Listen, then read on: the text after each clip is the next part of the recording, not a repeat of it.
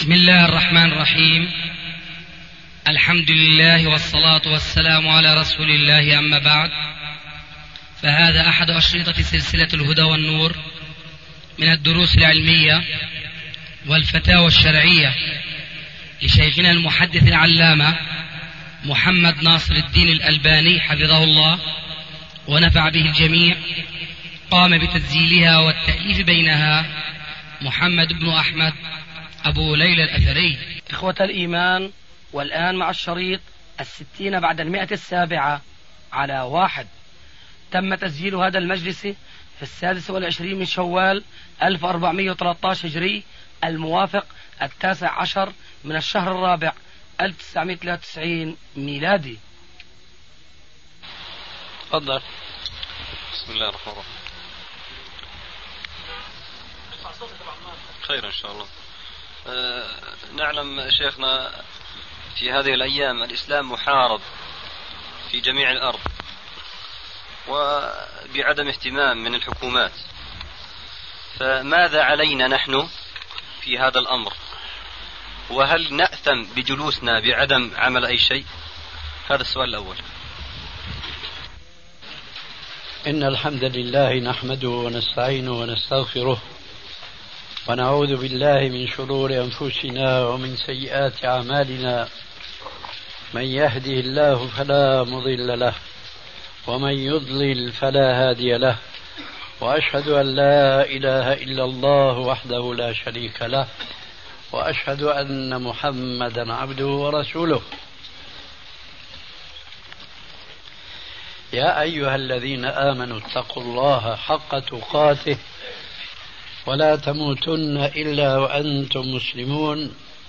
يا أيها الناس اتقوا ربكم الذي خلقكم من نفس واحدة وخلق منها زوجها وبث منهما رجالا كثيرا ونساء. واتقوا الله الذي تساءلون به والأرحام إن الله كان عليكم رقيبا. يا أيها الذين آمنوا اتقوا الله وقولوا قولا سديدا يصلح لكم أعمالكم ويغفر لكم ذنوبكم ومن يطع الله ورسوله فقد فاز فوزا عظيما.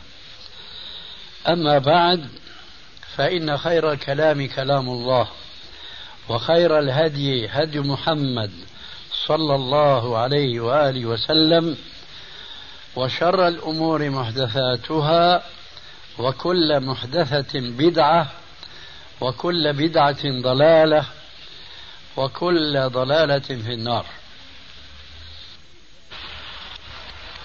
السؤال كأنه من حيث ظاهره وألفاظه أقل مما يقصده لافظه. حين يقول نقعد ولا نعمل أي شيء. فهو يعني في أي شيء ليس أي شيء مطلقا وإنما يعني شيئا معينا.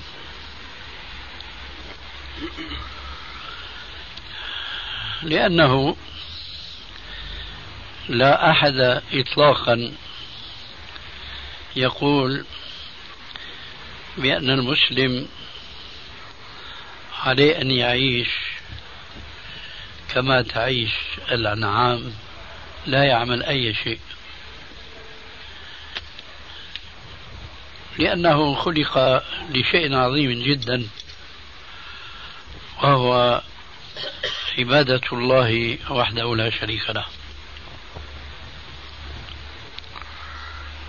ولذلك فلا يتبادر إلى ذهن أحد من مثل هذا السؤال أنه يقصد أن لا يعمل أي شيء وإنما يقصد أن لا يعمل شيئا يناسب هذا الواقع الذي أحاط بالمسلمين من كل جانب.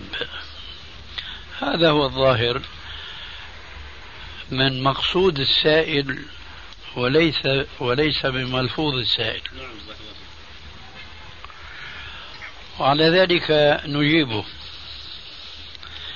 إن وضع المسلمين اليوم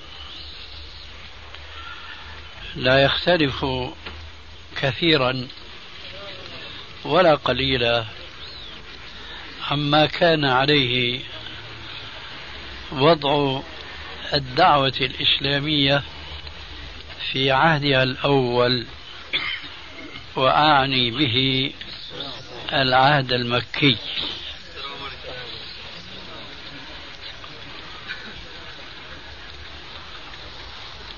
أقول لا يختلف وضع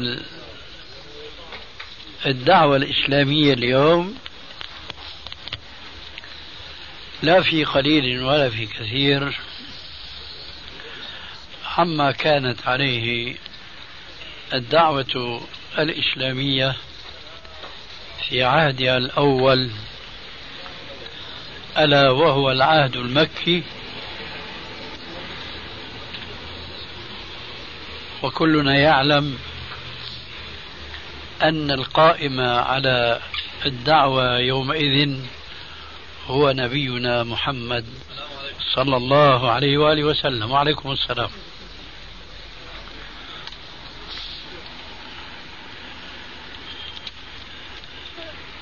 أعني بهذه الكلمة أن الدعوة كانت محاربة من القوم الذين بعث فيهم رسول الله صلى الله عليه وآله وسلم من أنفسهم كما في القرآن الكريم. ثم لما بدأت الدعوة تنتشر وتتسع دائرتها بين القبائل العربية حتى أمر النبي صلى الله عليه وآله وسلم بالهجرة من مكة إلى المدينة. طبعا نحن نأتي الآن برؤوس أقلام لأن التاريخ الإسلامي الأول والسيرة النبوية الأولى معروفة معلومة عند كثير من الحاضرين.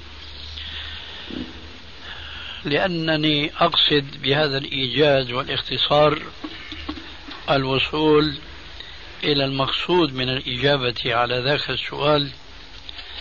ولذلك فإني أقول بعد أن هاجر النبي صلى الله عليه وآله وسلم وتبعه بعض أصحابه إلى المدينة وبدأ عليه الصلاة والسلام يضع النواة لإقامة الدولة المسلمة.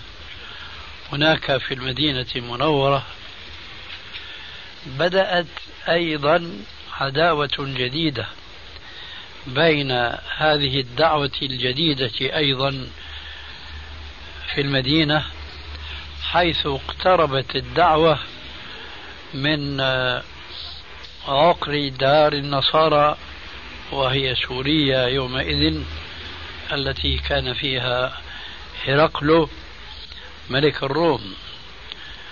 فصار هناك عداء جديد للدعوة ليس فقط من العرب في الجزيرة العربية بل ومن النصارى أيضا في شمال الجزيرة العربية.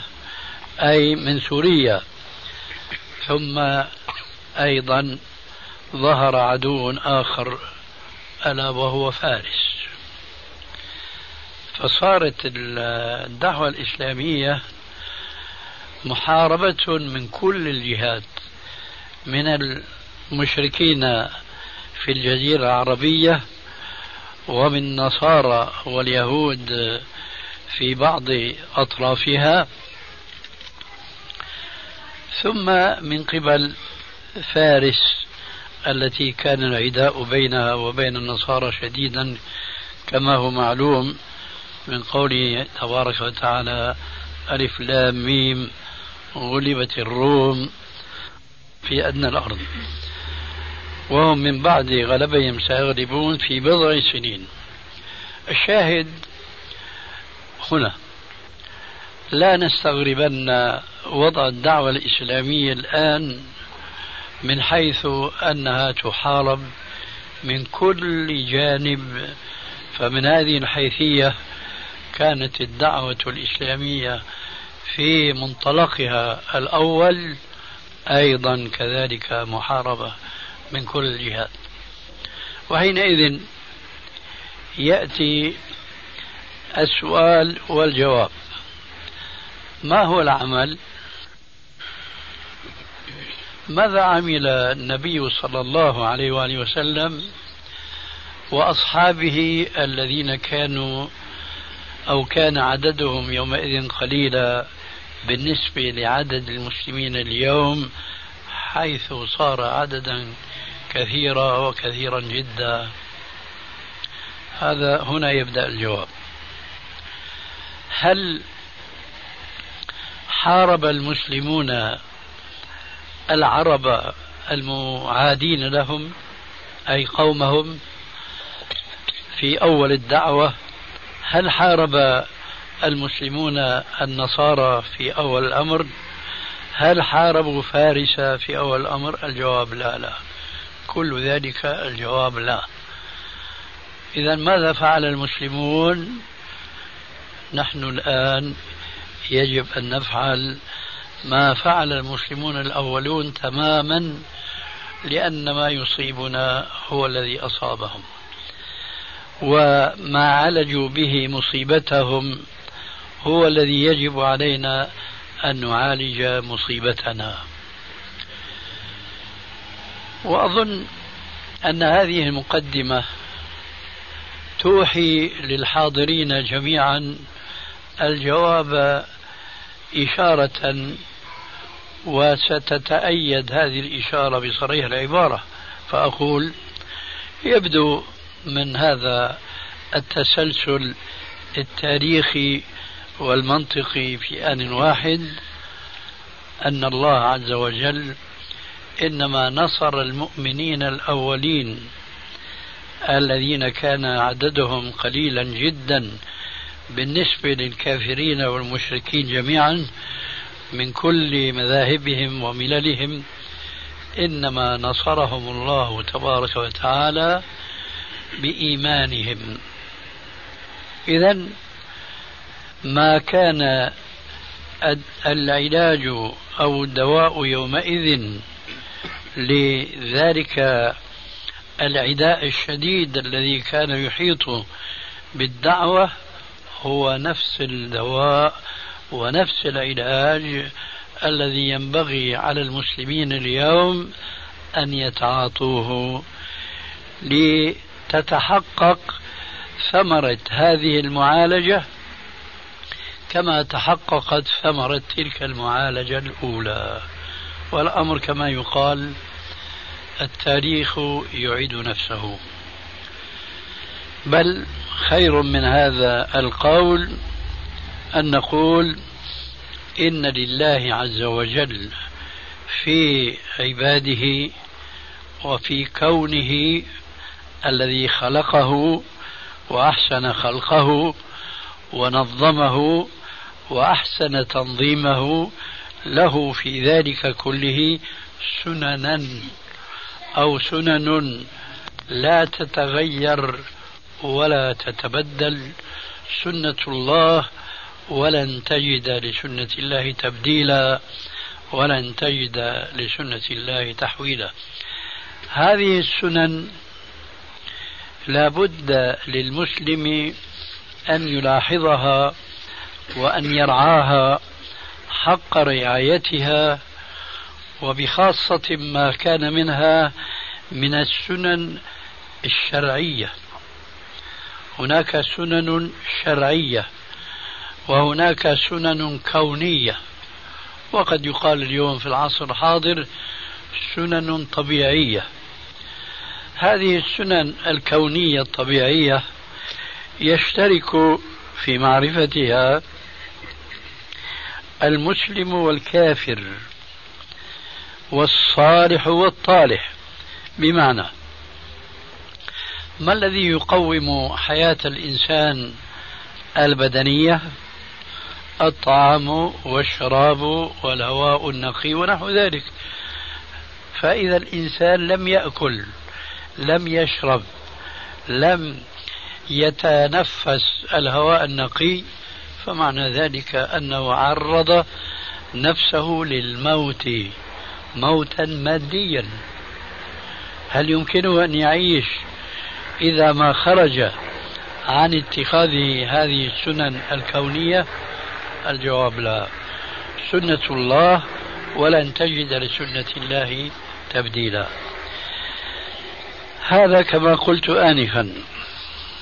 يعرفه معرفة تجربية. كل إنسان لا فرق بين المسلم والكافر والصالح والطالح. لكن الذي يهمنا الآن أن نعرف أن هناك سننا شرعية. يجب أن نعلم أن هناك سننا شرعية. من اتخذها وصل إلى أهدافها وجنى منها ثمراتها ومن لم يتخذها فسوف لن يصل إلى الغايات التي وضعت تلك السنن. الشرعية لها تماما تماما كما قلنا بالنسبة للسنن الكونية. إذا تبناها الإنسان وطبقها وصل إلى أهدافها كذلك السنن الشرعية إذا لم يأخذ إذا أخذها المسلم تحققت الغاية التي وضع الله تلك السنن من أجلها من أجل تحقيقها وإلا فلا. أظن هذا كلام مفهوم ولكن يحتاج إلى شيء من التوضيح. وهنا بيت القصيد وهنا يبدأ الجواب عن ذاك السؤال الهام. كلنا يقرأ آية من آيات الله عز وجل بل إن هذه الآية قد تزين بها صدور بعض المجالس أو جدر بعض البيوت وهي قوله تعالى إن تنصروا الله ينصركم. لافتات توضع وتكتب بخط ذهبي جميل رقعي أو فارسي إلى آخره وتوضع على الجدر. مع الأسف الشديد هذه الآية أصبحت الجدر مزينة بها أما قلوب المسلمين فهي منها خاوية على عروشها. لا نكاد نشعر ما هو الهدف الذي ترمي إليه هذه الآية إن تنصروا الله ينصركم. ولذلك أصبح وضع العالم الإسلامي اليوم في بلبلة وقلقلة لا يكاد يجد لها مخرجا مع أن المخرج مذكور في كثير من الآيات وهذه الآية من تلك الآيات.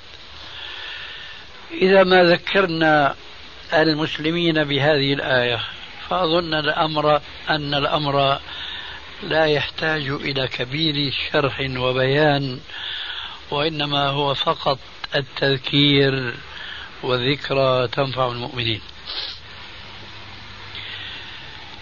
كلنا يعلم إن شاء الله أن قوله تبارك وتعالى إن تنصروا الله شرط جوابه ينصركم.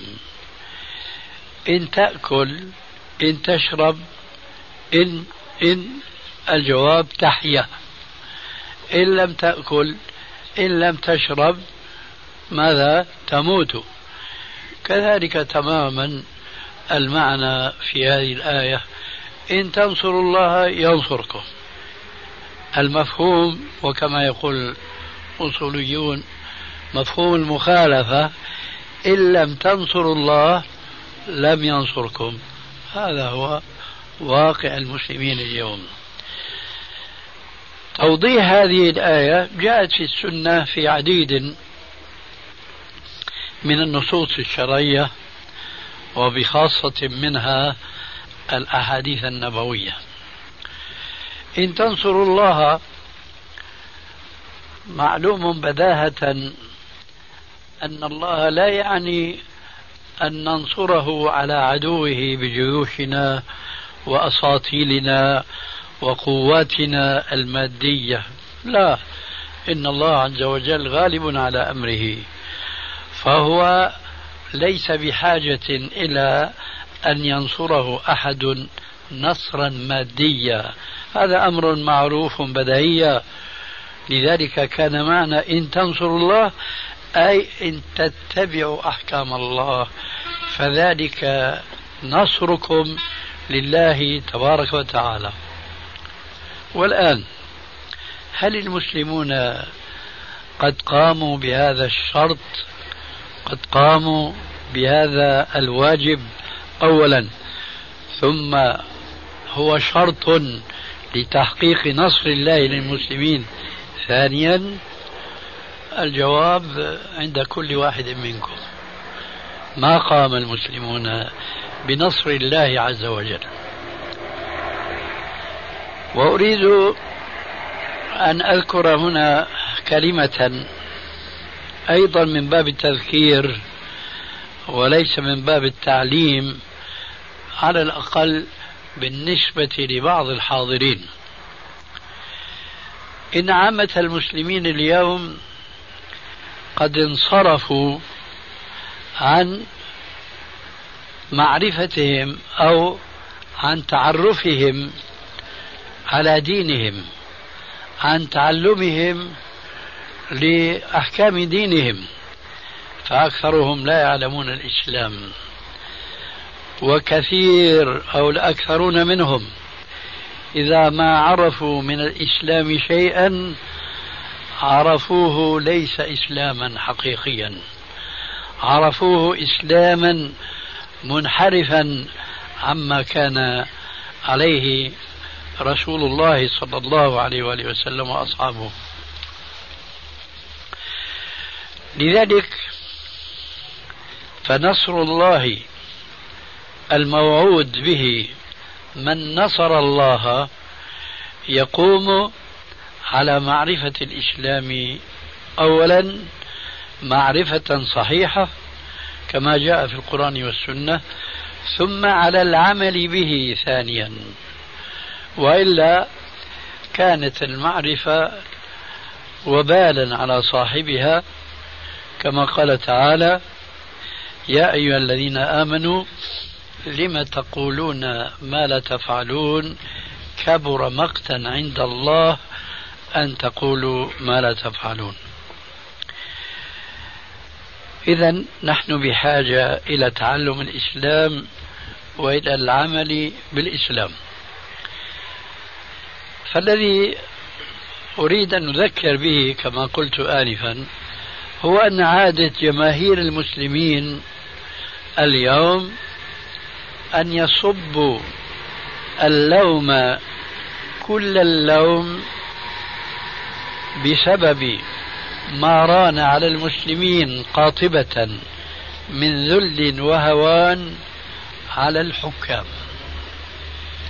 أن يصوم أن يصبوا اللوم كل اللوم على حكامهم الذين لا ينتصرون لدينهم وهم مع الأسف كذلك لا ينتصرون لدينهم. لا ينتصرون للمسلمين المذلين من كبار الكفار من اليهود والنصارى وغيرهم. هكذا العرف القائم اليوم بين المسلمين صب اللوم كل اللوم على الحكام. ومعنى ذلك أن المحكومين كأنهم لا يشملهم اللوم الذي يوجهونه إلى الحاكمين. والحقيقة أن هذا اللوم ينصب على جميع الأمة حكاما ومحكومين. وليس هذا فقط بل هناك طائفة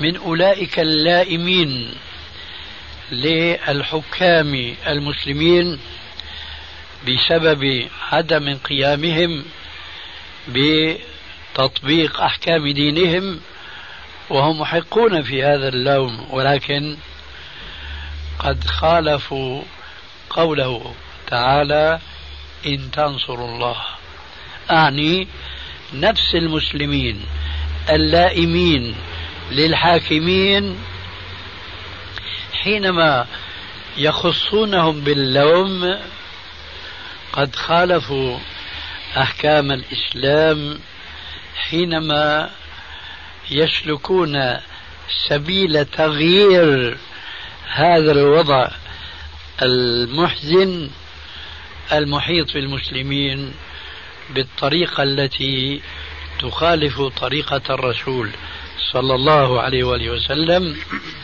حيث أنهم يعلنون تكفير حكام المسلمين.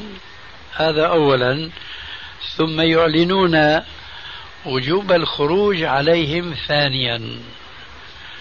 فتقع هنا فتنة عمياء صماء بكماء بين المسلمين أنفسهم. حيث ينشق المسلمون بعضهم على بعض فمنهم وهم هؤلاء الذين أشرت إليهم الذين يظنون أن تغيير هذا الوضع الذليل المصيب للمسلمين إنما تغييره بالخروج على الحاكمين. ثم لا يقف الأمر عند هذه المشكلة وإنما تتسع وتتسع حتى يصبح الخلاف بين هؤلاء المسلمين أنفسهم ويصبح الحكام في معزل عن هذا الخلاف. بدأ الخلاف من غلو بعض الإسلاميين في معالجة هذا الواقع الأليم أنه لابد من محاربة الحكام المسلمين لإصلاح الوضع. وإذا بالأمر ينقلب إلى أن هؤلاء المسلمين يتخاصمون مع المسلمين الآخرين الذين يرون أن معالجة الواقع الأليم ليس هو بالخروج على الحاكمين. وإن كان كثيرون منهم يستحقون الخروج عليهم بسبب أنهم لا يحكمون بما أنزل الله. ولكن هل يكون العلاج كما يزعم هؤلاء الناس؟ هل يكون إزالة الذل الذي أصاب المسلمين من الكفار أن نبدأ بمحاكمة الحاكمين في بلاد الإسلام من المسلمين؟ ولو أن بعضهم نعتبرهم مسلمين جغرافيين كما يقال في العصر الحاضر. هنا نحن نقول أورد سعد وسعد مشتمل. ما هكذا يا سعد تورد الإبل؟ مما لا شك فيه أن موقف أعداء الإسلام أصالة. وهم اليهود والنصارى والملاحدة من خارج بلاد الإسلام هم أشد بلا شك ضررا من بعض هؤلاء الحكام الذين لا يتجاوبون مع رغبات المسلمين أن يحكموهم بما أنزل الله. فماذا يستطيع هؤلاء المسلمون واعني طرفا أو جانبا منهم وهم الذين يعلنون وجوب محاربة الحاكمين من المسلمين. ماذا يستطيع أن يفعل هؤلاء؟ لو كان الخروج على الحكام آه، واجبا قبل البدء بإصلاح نفوسنا نحن كما هو العلاج الذي بدأ به الرسول عليه السلام. إن هؤلاء لا يستطيعون أن يفعلوا شيئا اطلاقا. والواقع أكبر دليل على ذلك. مع أنه مع أن العلاج الذي يبتغونه وهو أن يبدأوا بمحاكم بمحاربة الحكام المسلمين لا يثمر الثمرة المرجوة لأن العلة كما قلت آنفا ليست في الحاكمين فقط بل وفي المحكومين أيضا. فعليهم جميعا أن يصلحوا أنفسهم والإصلاح هذا له بحث آخر. قد تكلمنا عليه مرارا وتكرارا وقد نتكلم قريبا إن شاء الله عنه. المهم الآن المسلمون كلهم متفقون على أن وضعهم أمر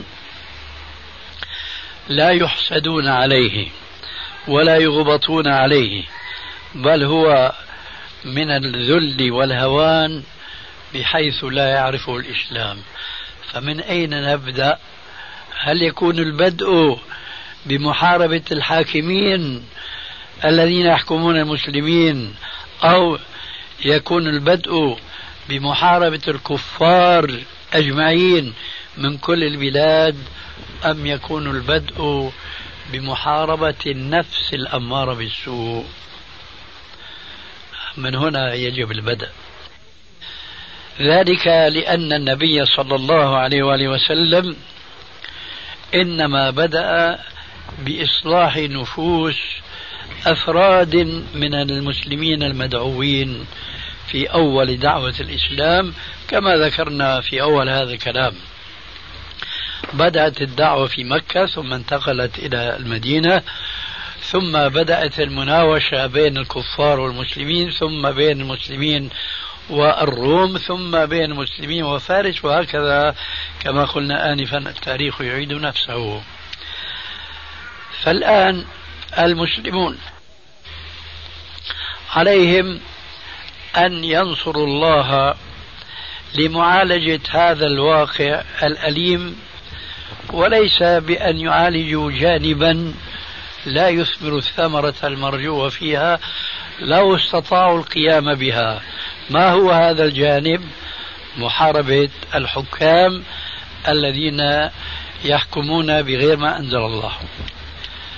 هذا أولا كما قلت آنفا ولا بد من وقفة قصيرة. غير مستطاع اليوم أن يحارب هؤلاء الحكام. ذلك لأن هؤلاء الحكام لو كانوا كفارا كاليهود والنصارى فهل المسلمون اليوم يستطيعون محاربة اليهود والنصارى؟ الجواب لا. الأمر تماما كما كان المسلمون الأولون في العهد المكي. كانوا مستضعفين أذلاء محاربين معذبين مقتلين. لماذا؟ لأنهم كانوا ضعفاء. لا حول لهم ولا قوة إلا إيمانهم الذي حل في صدورهم بسبب اتباعهم لدعوة نبيهم صلى الله عليه وآله وسلم. هذا الاتباع مع الصبر على الأذى هو الذي أثمر الثمرة المرجوة التي نحن ننشدها اليوم. فما هو سبيل الوصول إلى هذه الثمرة؟ نفس السبيل الذي سلكه الرسول عليه الصلاة والسلام مع أصحابه الكرام. إذا اليوم لا يستطيع المسلمون محاربة الكفار على اختلاف ضلالاتهم فماذا عليهم؟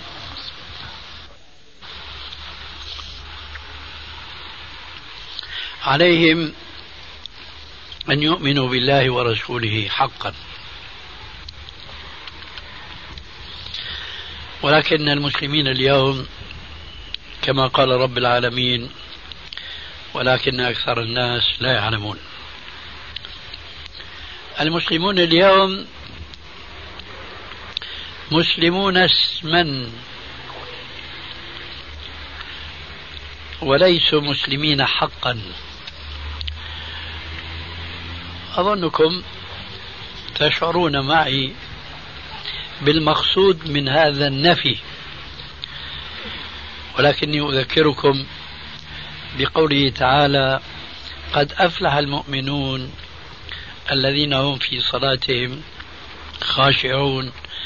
والذين هم عن اللغو معرضون والذين هم للزكاة فاعلون والذين هم لفروجهم حافظون إلا على أزواجهم أو ما ملكت أيمانهم فإنهم غير ملومين. فمن ابتغى وراء ذلك فأولئك هم العادون أي الباغون الظالمون. فإذا أخذنا هذه الخصال فقط ولم نتعدى هذه الآيات المتضمنة لهذه الخصال إلى آيات أخرى التي فيها ذكر لبعض الصفات والخصال التي لم تذكر في هذه الآية وهي كلها تدور حول العمل بالإسلام فمن تحققت هذه الصفات المذكورة في هذه الآيات المتلوة آنفا وفي آيات أخرى أولئك هم الذين قال الله عز وجل في حقهم أولئك هم المؤمنون حقا. فهل نحن مؤمنون حقا؟ الجواب لا. إذا يا إخواننا لا تضطربوا ولا تجهلوا وتذكروا لتعرفوا داءكم فتعرفوا دواءكم. المسلمون اليوم ليسوا مؤمنين حقا لأن الإيمان الحق يتطلب العمل بالحق. فنحن المصلين اليوم هذه الخصلة قد أفلح المؤمنون الذين هم في صلاتهم خاشعون. هل نحن خاشعون في صلاتنا؟ أنا ما أتكلم عن فرد اثنين خمسة عشرة مئة مئتين ألف ألفين. لا بتكلم عن المسلمين على الأقل الذين يتساءلون. ما هو الحل لما أصاب المسلمين؟ لا أعني أولئك المسلمين اللاهين الفاسقين الذين لا يهمهم آخرتهم وإنما يهمهم شهواتهم وبطونهم. لا أنا أتكلم عن المسلمين المصلين. فهل هؤلاء المصلون قد اتصفوا بهذه الصفات المذكورة في أول سورة المؤمنون؟ الجواب كجماعة كأمة لا. إذا ترجو النجاة ولم تسلك مسالكها. إن السفينة لا تجري على اليبس. فلا بد من اتخاذ الأسباب التي هي من تمام السنن الشرعية بعد السنن الكونية حتى يرفع ربنا عز وجل هذا الذل الذي ران علينا جميعا. أنا ذكرت هذه الأوصاف من صفات المؤمنين مذكورة في أول هذه السورة لكن هناك في الأحاديث النبوية التي نذكر بها إخواننا دائما ما يذكر بسوء حال المسلمين اليوم وأنهم لو تذكروا هذا السوء لكان من العار عليهم أن يتساءلوا لماذا أصابنا هذا الذل؟ لأنهم قد غفلوا عن مخالفتهم لشريعة الله. من تلك الأحاديث قوله عليه الصلاة والسلام إذا تبايعتم بالعينة وأخذتم أذناب البقر ورضيتم بالزرع وتركتم الجهاد في سبيل الله سلط الله عليكم ذلا. لا ينزعه عنكم حتى ترجعوا إلى دينكم. هذا الحديث تكلمت عليه كثيرا وكثيرا جدا وبمناسبات عديدة وإنما أنا أقف فقط عند قوله إذا تبايعتم بالعينة العينة نوع من الأعمال الربوية ولا أريد أيضا أن أدخل فيها بالذات فهل منكم من يجهل تعامل المسلمين بأنواع من الربا؟ وهذه البنوك الربوية قائمة على ساق وقدم في كل بلاد الإسلام ومعترف فيها بكل الأنظمة القائمة في بلاد الإسلام. وأعود لأقول ليس فقط من الحكام بل ومن المحكومين. لأن هؤلاء المحكومين هم الذين يتعاملون مع هذه البنوك وهم الذين إذا نوقشوا وقيل لهم أنتم تعلمون أن الربا حرام وأن الأمر كما قال عليه السلام درهم ربا يأكله الرجل أشد عند الله عز وجل من ست وثلاثين زنية. لماذا يا أخي تتعامل بالربا بيقول لك شو بدنا نساوي؟ بدنا نعيش. إذا القضية ما لها علاقة بالحكام إلى علاقة قبل الحكام بالمحكومين المحكومون هم في حقيقة أمرهم يليق بهم مثل هؤلاء الحكام. وكما يقولون دود الخل منه فيه. دود الخل منه فيه. هؤلاء الحكام ما نزلوا علينا من المريخ. وإنما نبعوا منا وفينا فإذا أردنا صلاح أوضاعنا فلا يكون ذلك بأن نعلن الحرب الشعواء على حكامنا وأن ننسى أنفسنا ونحن من تمام مشكلة الوضع القائم اليوم في العالم الإسلامي. لذلك نحن ننصح المسلمين أن يعودوا إلى دينهم وأن يطبقوا ما عرفوه من دينهم ويومئذ يفرح المؤمنون بنصر الله. كل المشاكل القائمة اليوم والتي يتحمس بعض الشباب ويقول ما العمل؟ سواء قلنا ما هو بجانبنا من المصيبة التي حلت في العالم الإسلامي والعالم العربي وهو احتلال اليهود لفلسطين. أو قلنا مثلا محاربة الصليبيين للمسلمين في أرتيريا في الصومال في البوسنة والهرسك في في إلى آخر البلاد المعروفة اليوم.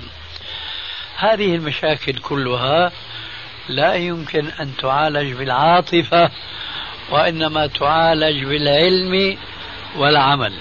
وقل اعملوا فسيرى الله عملكم ورسوله ثم تردون إلى عالم الغيب والشهادة.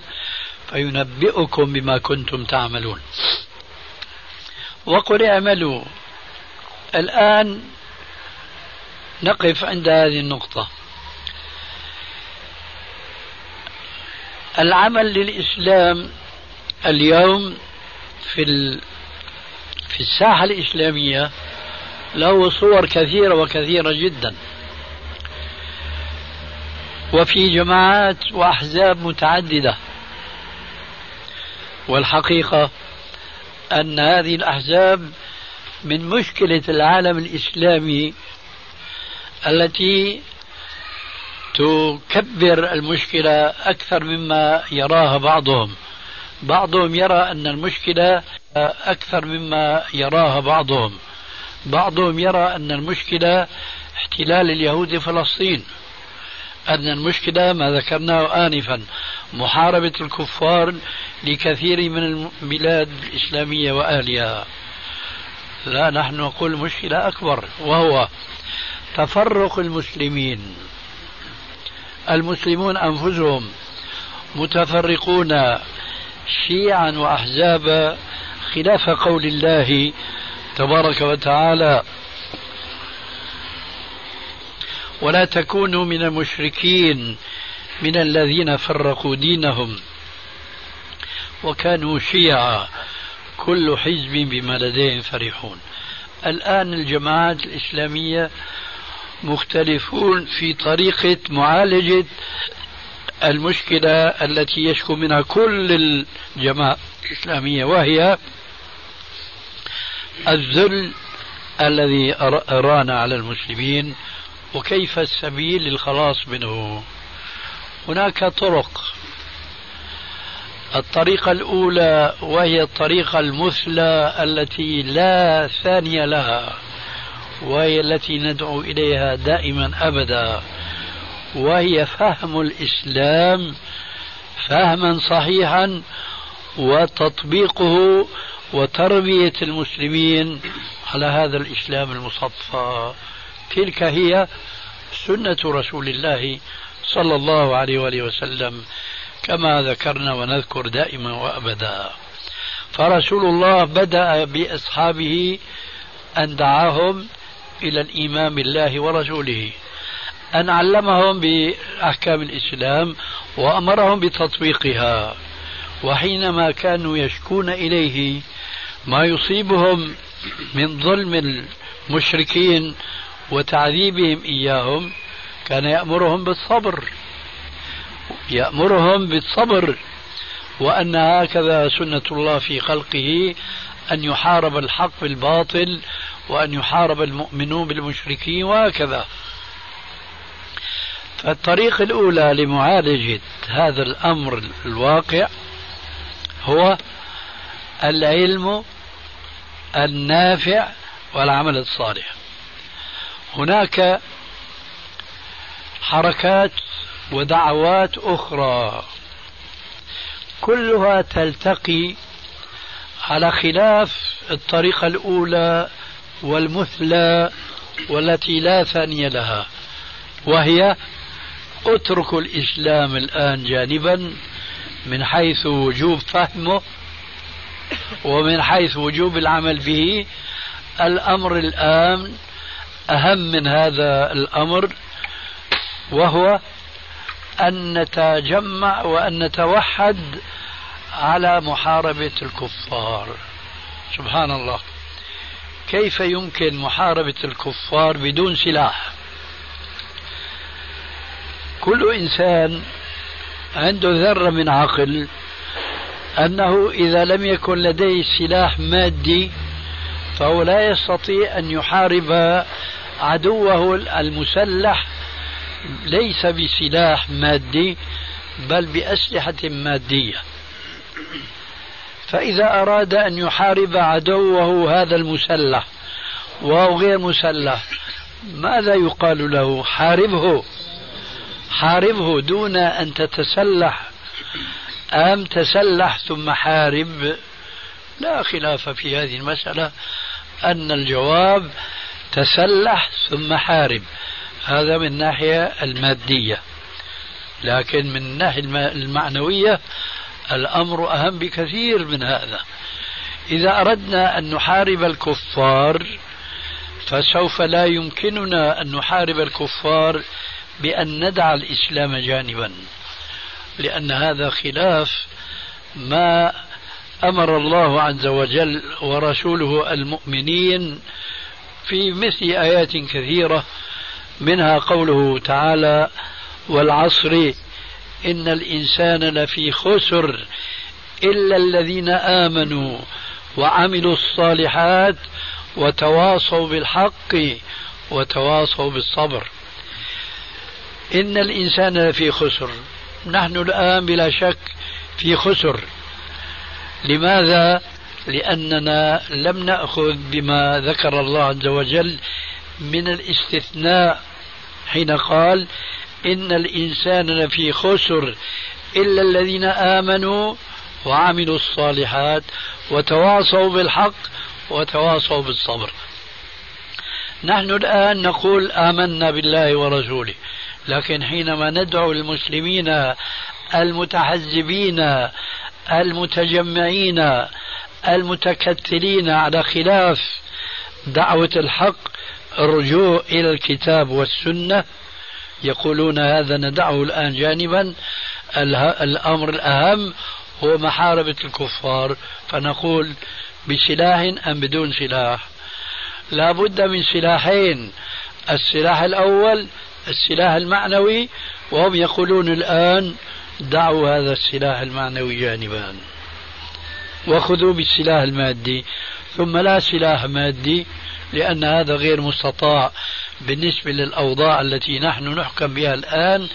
ليس فقط من الكفار المحيطين بنا من كل جانب بل ومن بعض الحكام الذين يحكموننا.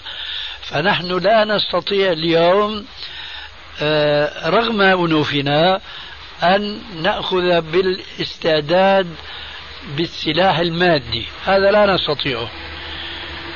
فنقول نريد أن نحارب بالسلاح المادي وهذا لا سبيل إليه.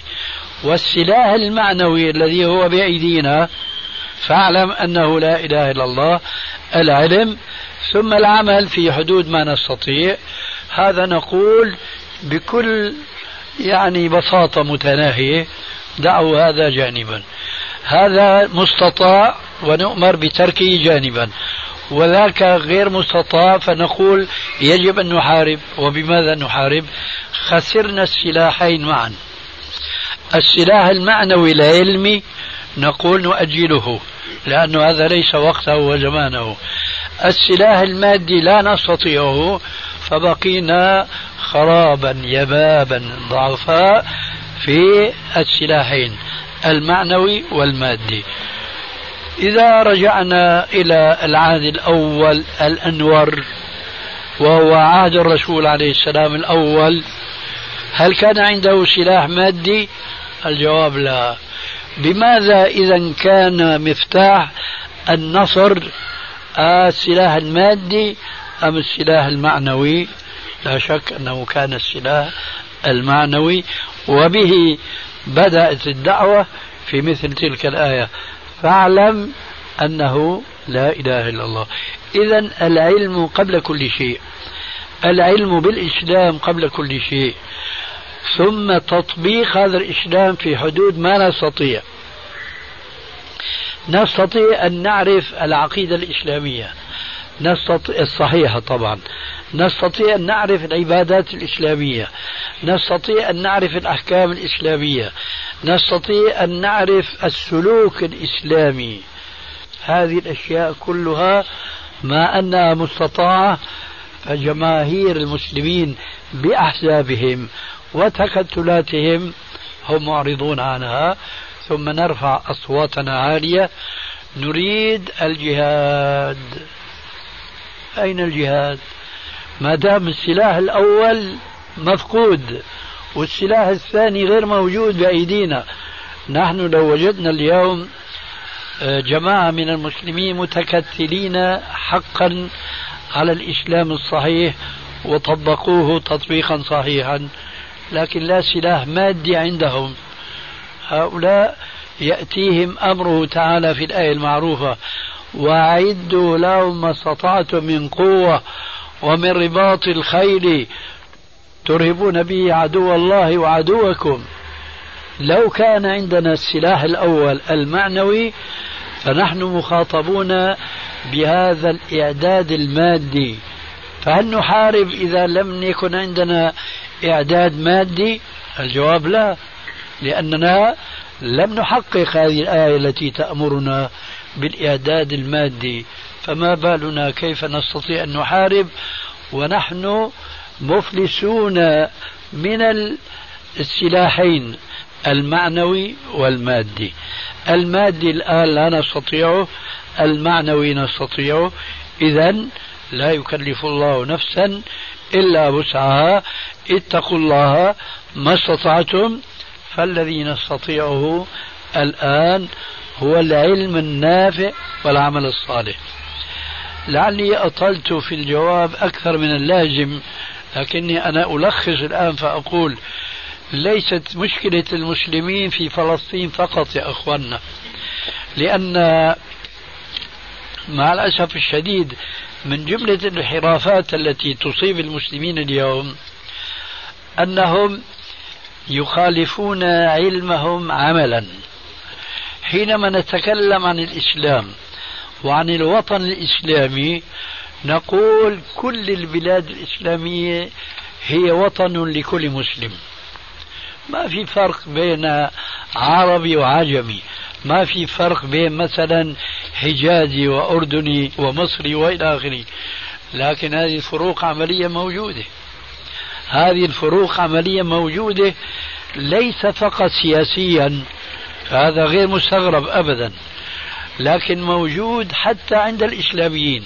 مثلا تجد بعض الدعاة الإسلاميين يهتمون بفلسطين ثم لا يهمهم ما يصيب المسلمين الآخرين في البلاد الأخرى مثلا حينما كانت الحرب قائمة بين المسلمين الأفغان وبين السوفيات وأذنابهم من الشيوعيين كان هناك حزب أو أحزاب إسلامية لا يهتمون بهذه الحرب القائمة بين مسلمين الأفغان والشيوعيين لماذا؟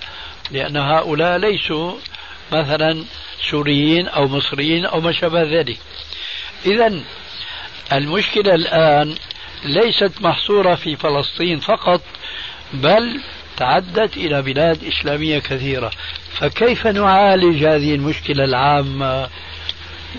بالقوتين المعنوية والمادية. بماذا نبدأ؟ نبدأ قبل كل شيء بالأهم فالأهم. وبخاصة إذا كان الأهم ميسورا وهو السلاح المعنوي فهم الإسلام فهما صحيحا وتطبيقه تطبيقا صحيحا. ثم السلاح المادي إذا كان ميسورا. اليوم مع الأسف الشديد الذي وقع في أفغانستان الأسلحة التي حارب المسلمون المادية الأسلحة المادية التي حارب المسلمون بها الشيوعيين هل كانت أسلحة إسلامية؟ الجواب لا. كانت أسلحة غربية إذا نحن الآن من ناحية السلاح المادي مستعبدون. لو أردنا أن نحارب وكنا أقوياء من حيث القوة المعنوية إذا أردنا أن نحارب بالسلاح المادي فنحن بحاجة إلى أن نستورد هذا السلاح إما بالثمن وأما بالمنحة أو شيء مقابل شيء كما تعلمون في السياسة الغربية اليوم. على حد المثل العامي حكر لي لحكر لك. يعني أي دولة الآن حتى بال بالثمن لا تبيعك السلاح إلى مقابل تنازلات تتنازل أنت أيها الشعب المسلم مقابل هذا السلاح الذي تدفع ثمنه أيضا. فإذا يا إخواننا الأمر ليس كما نتصور عبارة عن حماسات وحرارات الشباب وثورات كرغوة الصابون تثور ثم تخور في أرضها. لا أثر لها إطلاقا. أخيرا أقول وقل اعملوا فسيرى الله عملكم ورسوله.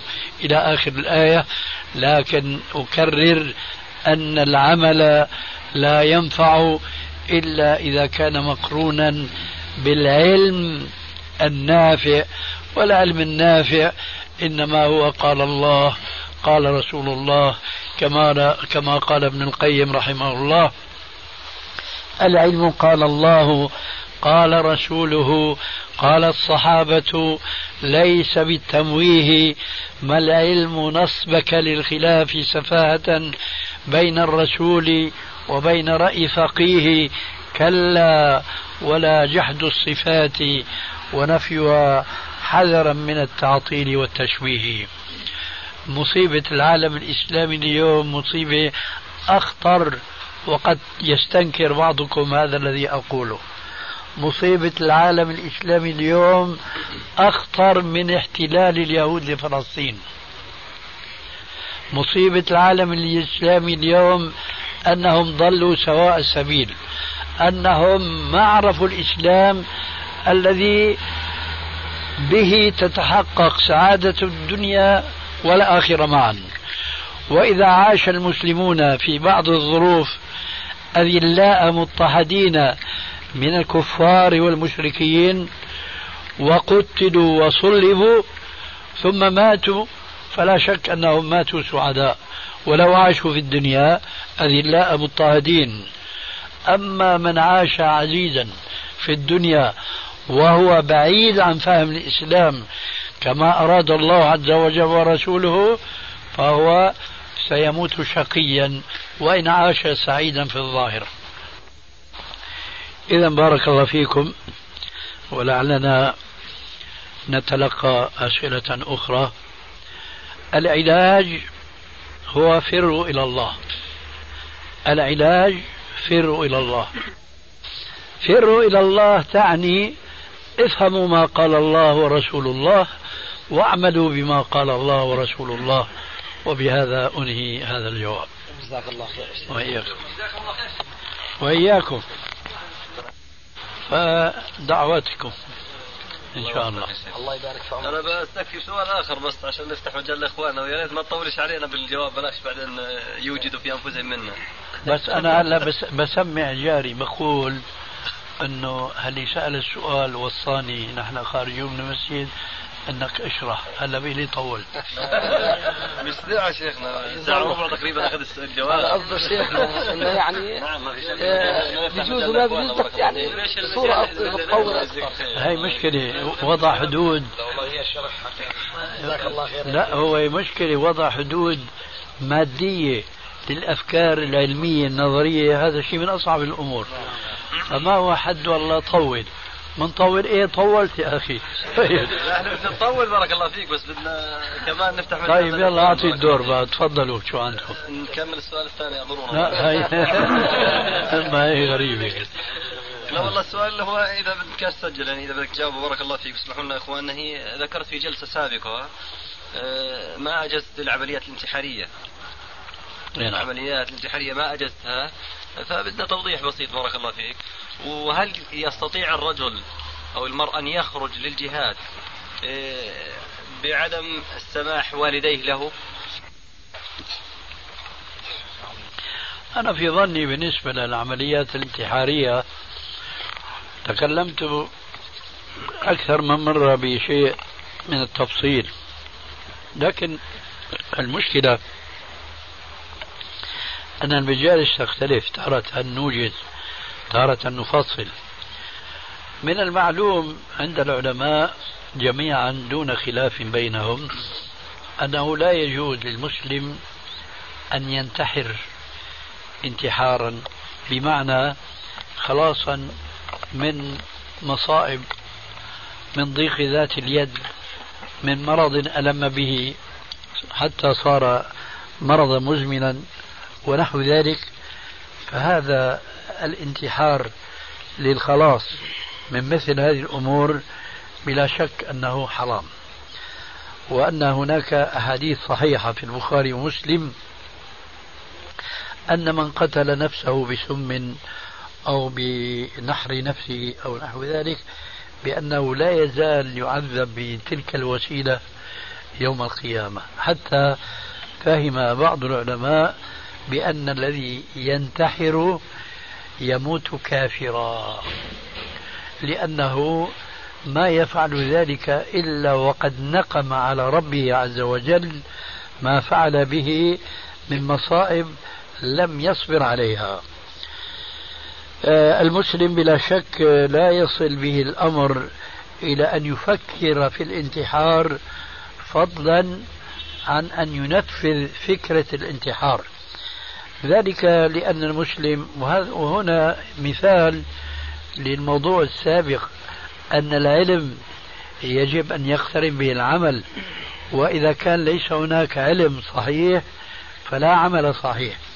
حينما يعلم المسلم ويربى المسلم على ما جاء في الكتاب والسنة تختلف ثمرات انطلاقاته في الحياة الدنيا وتختلف أعماله فيها عن أعمال الآخرين الذين لا أقول لم يؤمنوا بالله ورسوله لا آمنوا بالله ورسوله ولكن ما عرفوا ما قال الله ورسوله. فمما قال الله عز وجل على لسان نبيه صلى الله عليه وآله وسلم عجب أمر المؤمن كله. إن أصابته سراء حمد الله وشكر فكان خيرا له وإن أصابته ضراء صبر فكان خيرا له فأمر المؤمن كله خير وليس ذلك إلا للمؤمن. فمن أصابه مرض مزمن من أصابه فقر مدقع وهو مؤمن ما بتفرق معه. إن كان صحيح البنية أو كان عليلها. إن كان غني المال أو كان فقيره. ما بتفرق معه. لأنه كما يقال في بعض الأمثال العامية هو كالمنشار. الطالع عن نازل هو مأجور يأكل حسنات. إن أصابته السراء شكر الله عز وجل. فأثيب خيرا. وإن أصابته ضراء صبر. فكان خيرا له. من الذي إذا ينتحر؟ هذا في الغالب لا يكون مؤمنا. لكن يمكن نستطيع نتصور أن مسلما ما صابته نوبة فكر انحرف به فانتحر. هذا يمكن أن يقع لهذا الإمكان ولهذا الاحتمال ما نقول نحن يقينا هذا ليس مؤمنا. فهذا كتارك الصلاة الجاحد لشرعيتها. إذا مات مسلم اسمه أحمد بن محمد أو محمد بن زيد أو ما شابه ذلك لكن كان معلوما بإنكاره للصلاة بإنكاره لشرع الإسلام هذا إذا مات لا يدفع في مقابر المسلمين. كذلك بالنسبة لمن انتحر وعرف أنه انتحر نقم على الله عز وجل ما أحل به من مصائب. أما قلنا بأنه يمكن أنه تصيبه نوبة عصبية فكرية فينتحر. لهذا الاحتمال لا نقول نحن أن كل من انتحر فهو كافر ولا يدفن في مقابر المسلمين. الآن نأتي إلى إيش الانتحارية؟ عمليات, عمليات الانتحارية. هذه عرفناها من اليابانيين وأمثالهم. حينما كان الرجل يهاجم باخرة حربية أمريكية مثلا بطائرته فينفجر مع طائرته ولكن يقضي على الجيش الذي هو في تلك الباخرة الحربية الأمريكية مثلا نحن نقول العمليات الانتحارية في الزمن الحاضر الآن كلها غير مشروعة وكلها محرمة. وقد تكون من النوع الذي يخلد صاحبه في النار وقد تكون من النوع الذي لا يخلد صاحبه في النار كما شرعت آنفا. أما أن يكون عملية الانتحار قربة يتقرب بها إلى الله اليوم إنسان يقاتل في سبيل أرضه في سبيل وطنه هذه العمليات الانتحارية ليست إسلامية إطلاقا. بل أنا أقول اليوم ما يمثل الحقيقة الإسلامية وليس الحقيقة التي يريدها بعض المسلمين متحمسين. أقول اليوم لا جهاد في الأرض الإسلامية إطلاقا. هناك قتال. هناك قتال في كثير من البلاد. أما جهاد يقوم تحت راية إسلامية ويقوم على أساس أحكام إسلامية. ومن هذه الأحكام أن الجندي لا يتصرف برأيه لا يتصرف باجتهاد من عنده وإنما هو يأتمر بأمر قائده وهذا القائد ليس هو الذي نصب نفسه قائدا وإنما هو الذي نصبه خليفة المسلمين. فأين خليفة المسلمين اليوم؟ أين الخليفة؟ بل الحاكم الذي رفع راية الإسلام ودعا المسلمين أن يلتفوا حوله وأن يجاهدوا في سبيل الله عز وجل. هذا لا وجود له. فما دام أن هذا الجهاد الإسلامي يشترط أن يكون تحت راية إسلامية هذه الراية الإسلامية لا وجود لها. فإذا جهاد إسلامي لا وجود له. إذا انتحار إسلامي لا وجود له. أنا أعني انتحارا قد كان معروفا من قبل في عهد القتال بالحرام وبالسيوف وبالسهام. نوع من هذا القتال كان يشبه الانتحار. مثلا حينما يهجم فرد من أفراد الجيش بسيفه على كردوس على جماعة من الكفار المشركين فيعمل فيهم ضربا يمينا ويسارا. هذا في النادر قلما يسلم. فهل يجوز له أن يفعل ذلك؟ نقول يجوز ولا يجوز. إذا كان قائد الجيش المسلم هو في زمن الرسول هو الرسول عليه السلام. إذا أذن له جاز له ذلك. أما أن يتصرف في نفسه فلا يجوز له لأنها مخاطرة ومغامرة إن لم نقل مقامرة تكون النتيجة خاسرة. لا يجوز إلا بإذن الحاكم المسلم أو الخليفة المسلم. لما؟ لأن المفروض في هذا الخليفة المسلم أنه يقدر الأمور حق قدرها فهو يعرف متى ينبغي أن يهجم مثلا مئة من المسلمين على ألف أو أقل أو أكثر فيأمرهم بالهجوم. وهو يعلم أنه قد يقتل منهم عشرات لكن يعرف أن العاقبة هي للمسلمين. فإذا قائد الجيش المسلم المولى لهذه القيادة من الخليفة المسلم أمر جنديا بطريقة من طرق الانتحار العصرية. يكون هذا نوع من الجهاد في سبيل الله عز وجل. أما انتحار باجتهاد شاب متحمس كما نسمع اليوم مثلا أفراد يتسلقون الجبال ويذهبون إلى جيش من اليهود ويقتلوا منهم عددا ثم يقتلون. ما الفائدة من هذه الأمور؟ هذه تصرفات شخصية لا عاقبة لها لصالح الدعوة الإسلامية إطلاقا. لذلك نحن نقول للشباب المسلم حافظوا على حياتكم. بشرط أن تدرسوا دينكم وإسلامكم وأن تتعرفوا عليه تعرفا صحيحا وأن تعملوا به في حدود استطاعتكم.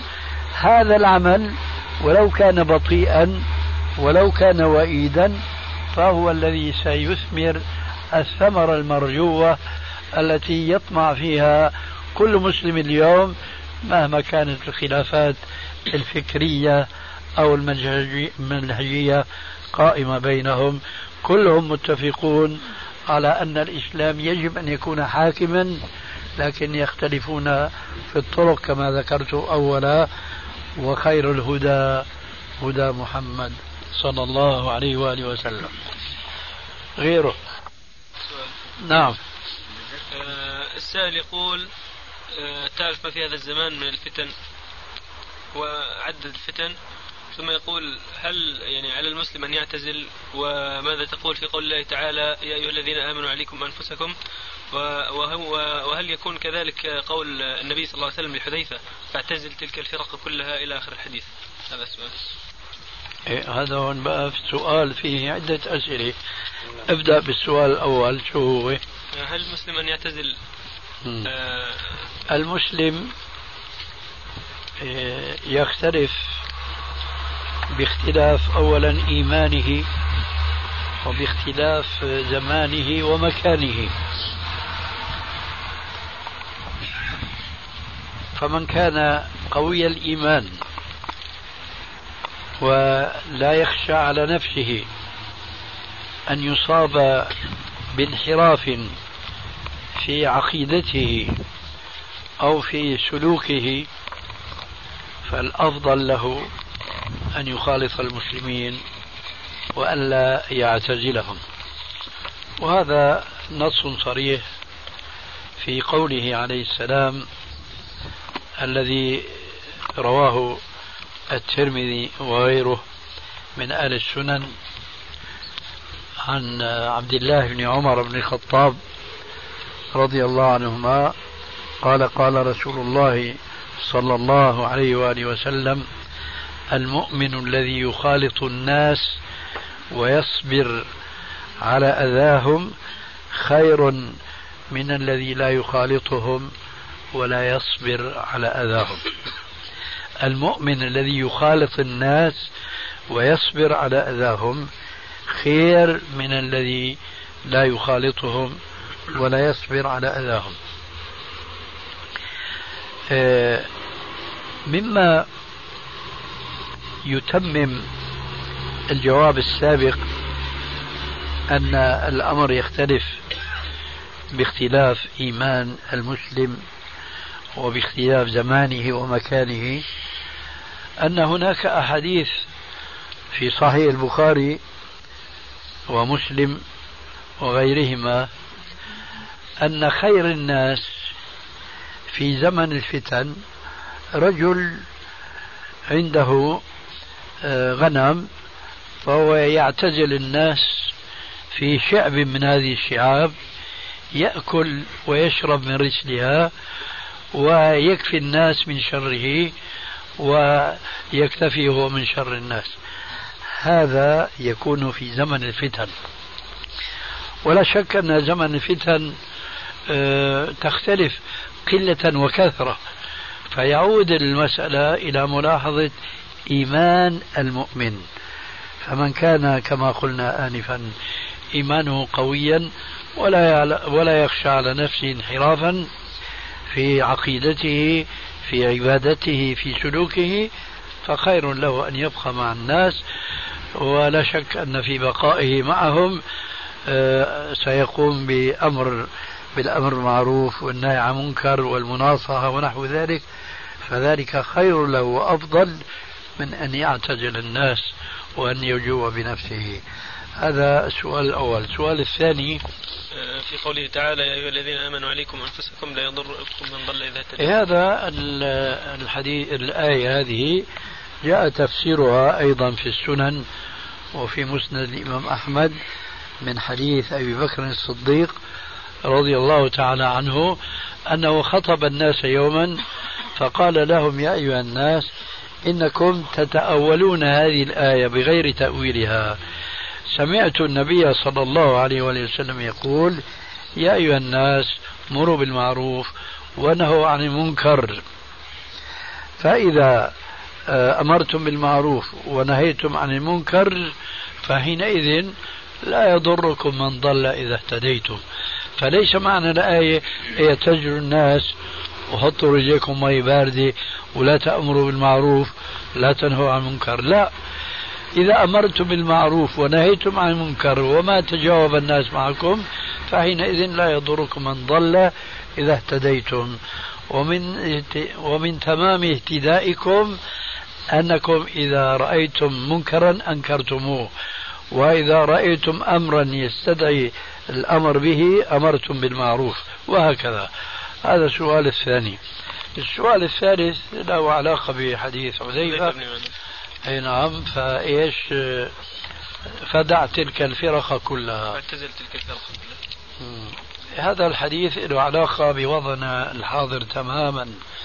أي إذا تفرق المسلمون شيعا وأحزابا وتكتلات كل يتعصب لجماعته وحزبه فلا يجوز للمسلم والحالة هذه أن ينطوي إلى فرقة من هذه الفرق إلا فرقة واحدة إذا وجدت وعليها إمام بويع من المسلمين فينبغي أن يكون مع هذه الفرقة ومع هذه الطائفة. أما إذا لم يكن هناك جماعة وعليها إمام قد بويع فيدع الفرق كلها. ولا يعني هذا يدع الفرق كلها يعني يعتزل على رأس الجبل لا. وإنما معناه لا يتحزب لطائفة على طائفة. هذا هو المقصود بحديث حذيفة رضي الله تعالى عنه. الآن وين الخطيب؟ الساعة 11 أعوذ بالله السميع العليم من الشيطان الرجيم من همزه ونفثه ونفخه. يا أيها الذين آمنوا اتقوا الله حق تقاته ولا تموتن ولا تموتن إلا وأنتم مسلمون. واعتصموا بحبل الله جميعا ولا تفرقوا. واذكروا نعمة الله عليكم إذ كنتم أعداء فألف بين قلوبكم فألف بين قلوبكم فأصبحتم بنعمته إخوانا. وكنتم على شفا حفرة من النار فأنقذكم منها كذلك يبين الله لكم آياته لعلكم تهتدون. ولتكن منكم أمة يدعون إلى الخير ويأمرون بالمعروف وينهون عن المنكر وأولئك هم المفلحون. ولا تكونوا كالذين تفرقوا واختلفوا من بعد ما جاءهم البينات.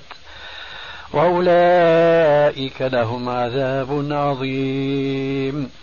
يوم تبيض وجوه وتسود وجوه. فأما الذين اسودت وجوههم أكفرتم أكفرتم بعد إيمانكم فذوقوا فذوقوا العذاب بما كنتم تكفرون. أعوذ بالله السميع العليم من الشيطان الرجيم من همزه ونفخه ونفخه. وقال الذي آمن يا قوم اتبعون أهدكم سبيل الرشاد. يا قوم إنما هذه الحياة الدنيا متاع. وإن الآخرة هي دار القرار. من عمل سيئة فلا يجزى إلا مثلها. ومن عمل صالحا من ذكر أو أنثى وهو مؤمن فأولئك يدخلون الجنة يرزقون يرزقون فيها بغير حساب. ويا قوم ما لي أدعوكم إلى النجاة وتدعونني إلى النار. تدعونني لأكفر بالله وأشرك به ما ليس لي به علم. وأنا أدعوكم إلى العزيز الغفار.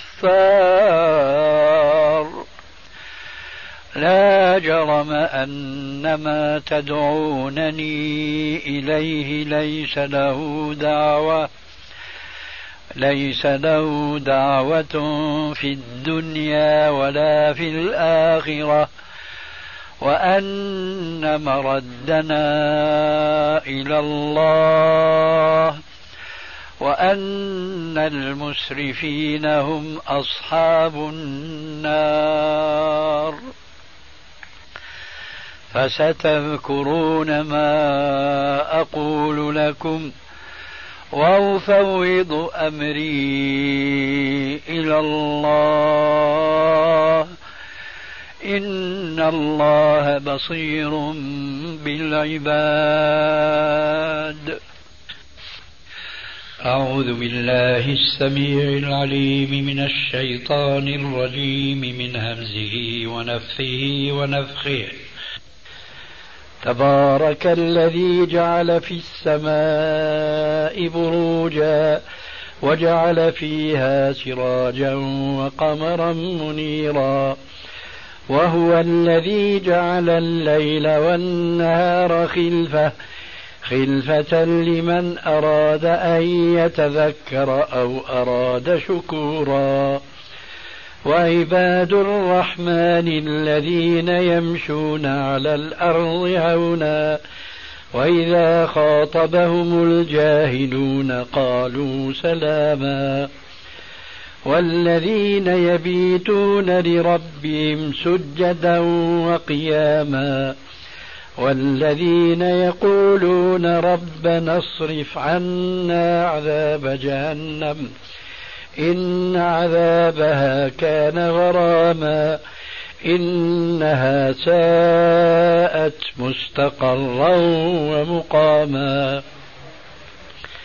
والذين إذا أنفقوا لم يسرفوا ولم يقتروا وكان بين ذلك قواما.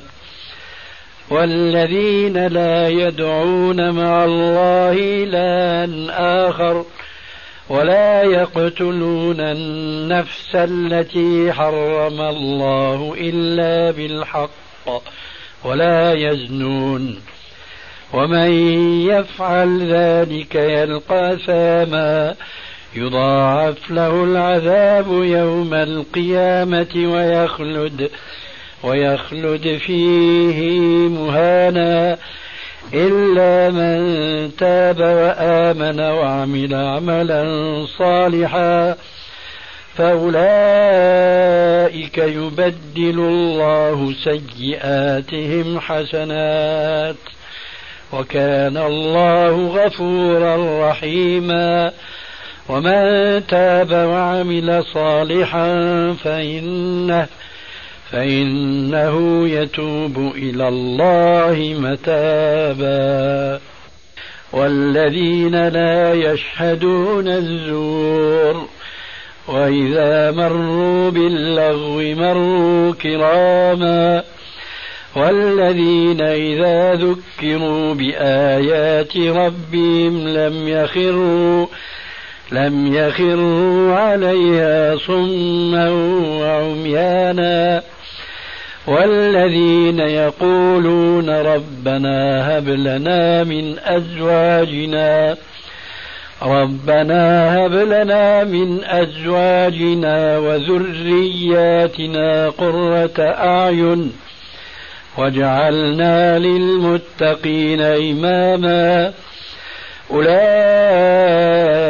يجزون الغرفة بما صبروا ويلقون فيها تحية وسلاما خالدين فيها حسنت مستقرا ومقاما قل ما يعبأ بكم ربي لولا دعاؤكم فقد كذبتم فسوف يكون لزاما